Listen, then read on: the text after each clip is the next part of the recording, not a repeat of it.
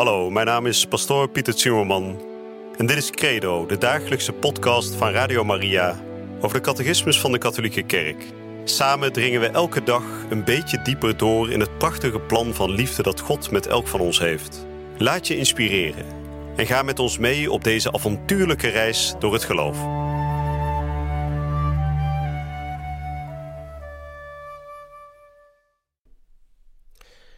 Broeders en zusters, beste luisteraars, van harte welkom bij deze nieuwe uitzending van de dagelijkse catechese hier bij Radio Maria.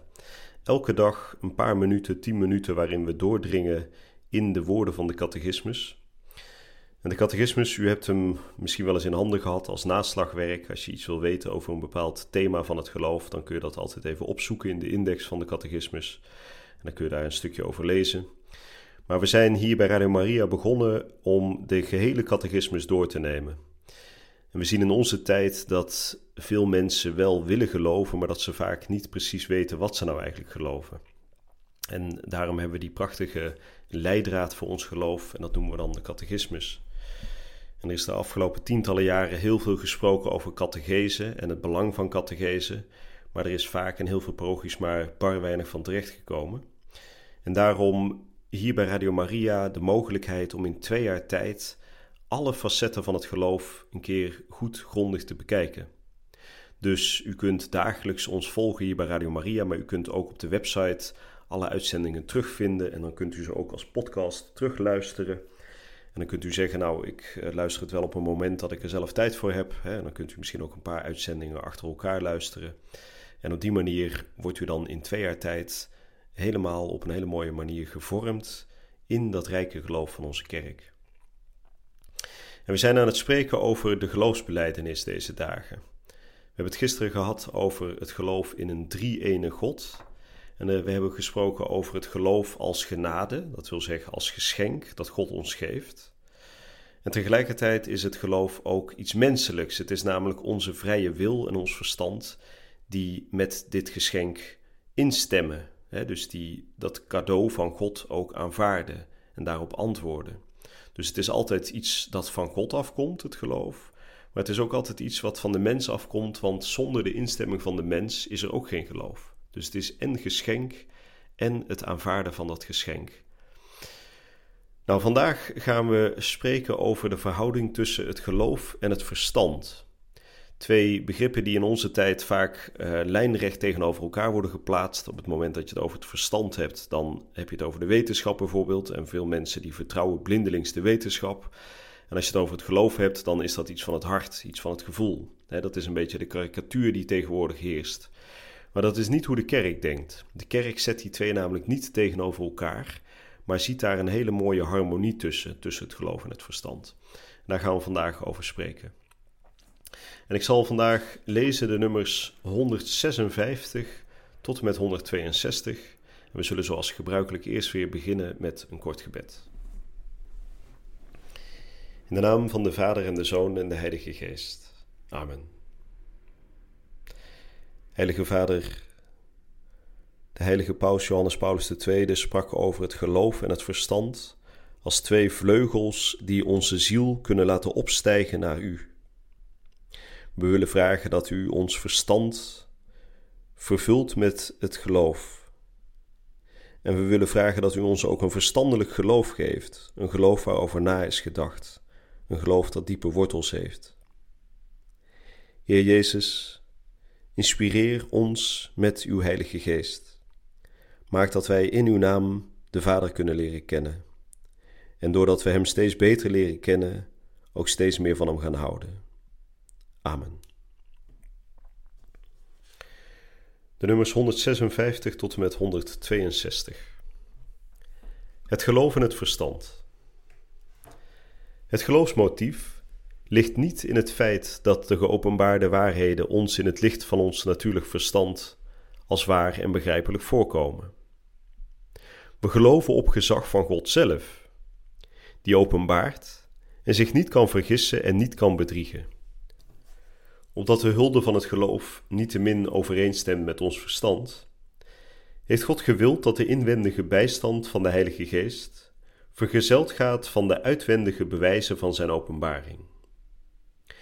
Zo zijn de wonderen van Christus en de heiligen, de profetieën, de verbreiding en de heiligheid van de kerk, haar vruchtbaarheid en haar stabiliteit, zekere tekenen van de openbaring, aangepast aan het begrip van ieder, en motieven van geloofswaarheid, die tonen dat de instemming van het geloof geenszins een blinde gemoedsopwelling is.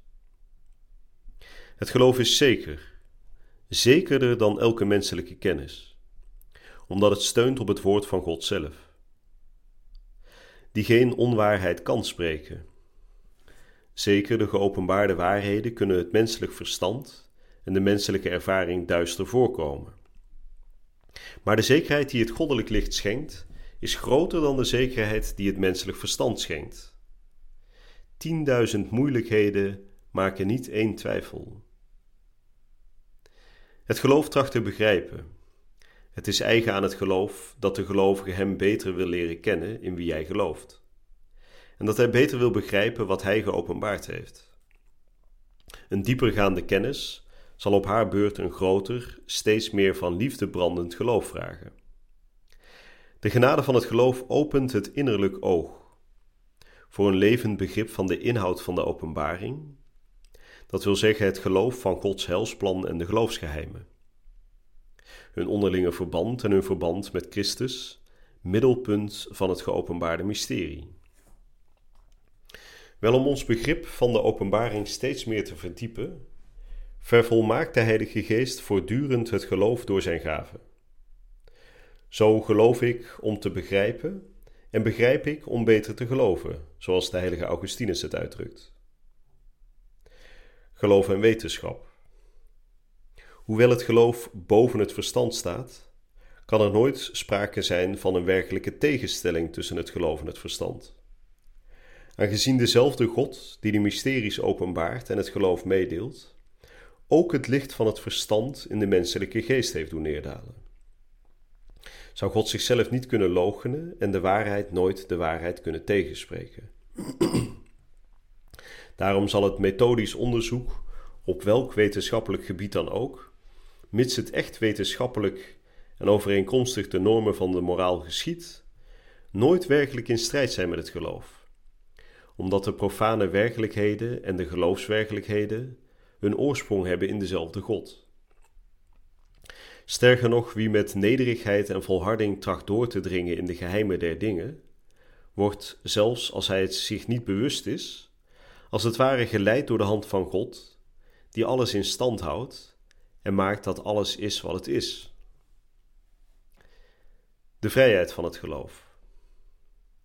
Wil het antwoord van het geloof een menselijk antwoord zijn, dan moet de mens vrij zijn in geloof antwoord te geven aan God, en bij gevolg mag niemand worden gedwongen om tegen zijn wil het geloof te aanvaarden. De geloofsdaad is immers krachtens heel zijn aard een vrije daad. God roept de mensen weliswaar om Hem te dienen in geest en waarheid, en zij worden door deze roeping in geweten gebonden, maar niet gedwongen. Dit is in hoge mate duidelijk geworden in Christus Jezus. Christus heeft de mens immers uitgenodigd tot geloof en bekering. Hij heeft hem daar, daartoe geen zins gedwongen. Hij heeft getuigenis afgelegd van de waarheid, maar weigerde haar met geweld op te dringen aan wie hem tegenspraken. Zijn rijk groeit immers door de liefde waarmee Christus, omhoog geheven op het kruis, alle mensen tot zich trekt. De noodzaak van het geloof. Geloven in Jezus Christus en in Hem die Hem tot ons hel gezonden heeft, is noodzakelijk om dit hel te verwerven.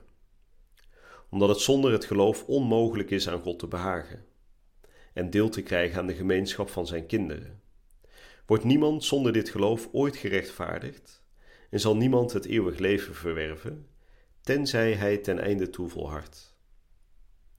De volharding in het geloof. Het geloof is een gave die God de mens voor niets schenkt. Wij kunnen deze onschatbare gave verliezen. Wat dit betreft waarschuwde de heilige Paulus Timotheus als volgt: Strijd daardoor gesteund de goede strijd gewapend met geloof en een goed geweten. Omdat sommigen dit hebben prijsgegeven, heeft hun geloof schipbreuk geleden.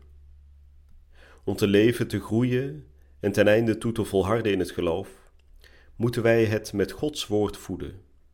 We moeten de Heer smeken het te vermeerderen.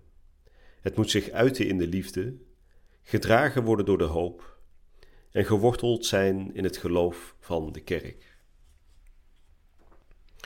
Nou, dat waren de nummers 156 tot en met 162. Een iets langere tekst vandaag en ook een beetje een ingewikkelde tekst, vooral het begin. Er wordt gesproken over het geloof als een zekerheid die groter en sterker is dan de kennis van het menselijk verstand. En wat wordt daarmee bedoeld? We kunnen natuurlijk menselijke kennis hebben, we kunnen een, een wetenschap oefenen en daarin heel diep doordringen. En dan kunnen we telkens vanuit ons menselijke verstand vertrekken om die wetenschap steeds beter te begrijpen. Maar het geloof staat er als het ware nog zelfs boven. Waarom? Omdat het geloof niet is vertrokken vanuit ons verstand, maar aan ons is geschonken en geopenbaard en dus de oorsprong heeft in God. En daarom is het motief, zoals de catechismus zegt van het geloof, niet allereerst onze eigen persoonlijke kennis, maar de openbaring van God. En vervolgens wordt er gesproken over de verhouding tussen geloof en wetenschap. zoals ik aan het begin al zei, die sluiten elkaar niet uit.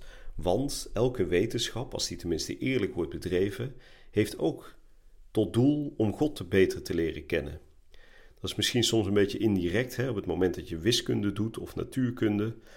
Dan kan het zijn dat je ehm, met natuurkundige modellen probeert te ontdekken hoe het heelal in elkaar zit. Maar als je daar oprecht steeds verder in doordringt, zit je ook indirect te studeren over wie God is, want Hij is natuurlijk degene die het heelal heeft gemaakt en die ook alle natuurwetten heeft gemaakt. En daarom sluit het een het ander niet uit. Nou, dan wordt er tot slot nog gesproken over de vrijheid van het geloof. Hè? Dus God kan niemand dwingen, zal niemand dwingen te geloven. Het is altijd een uitnodiging. Dan wordt er gesproken over Jezus die wel getuigt van de waarheid, maar die nooit zal dwingen, nooit zal overtuigen. En dan wordt er helemaal aan het einde nog gesproken over de volharding in het geloof. Het geloof is een geschenk, zoals de apostel Paulus ook bevestigt. Maar we kunnen het geloof wel kwijtraken. dus we moeten het geloof ook koesteren en voeden door eh, de Heilige Schrift te lezen, door ons steeds meer te verdiepen in het geloof. En door ook regelmatig naar de kerk te gaan, bijvoorbeeld. Het zijn allemaal manieren uh, om dat geloof levend te houden, door te bidden, nou, dat was de catechese voor vandaag. Een iets langere catechese, iets um, uitgebreider. Maar nou ja, als het te veel is om in deze paar korte minuten allemaal te bevatten, dan uh, luister het nog een keer, zou ik zeggen. En misschien was het allemaal helder, dat zou natuurlijk helemaal mooi zijn. En u kunt het natuurlijk ook altijd nog teruglezen in de catechismus zelf. Uh, die staat overigens ook volledig online op www.rkdocumenten.nl. Maar u kunt het ook uh, terugluisteren via de website van Radio Maria. Ik wens u een hele goede en gezegende dag toe en ik hoop u bij de volgende uitzending weer te ontmoeten hier bij Radio Maria. Je luisterde naar Credo, de dagelijkse podcast van Radio Maria over de catechismus van de Katholieke Kerk. Credo is iedere werkdag te beluisteren op Radio Maria. Maar je kunt de afleveringen ook in je eigen tempo terugluisteren op onze website, in de app of op Spotify en de andere platforms. Via de website radiomaria.nl vind je dagelijks de link om de bijbehorende teksten uit de catechismus mee of terug te lezen. We zijn erg dankbaar voor alle giften die wij mogen ontvangen. Daardoor kunnen we ons goede werk blijven doen. Draag je ook bij aan deze missie?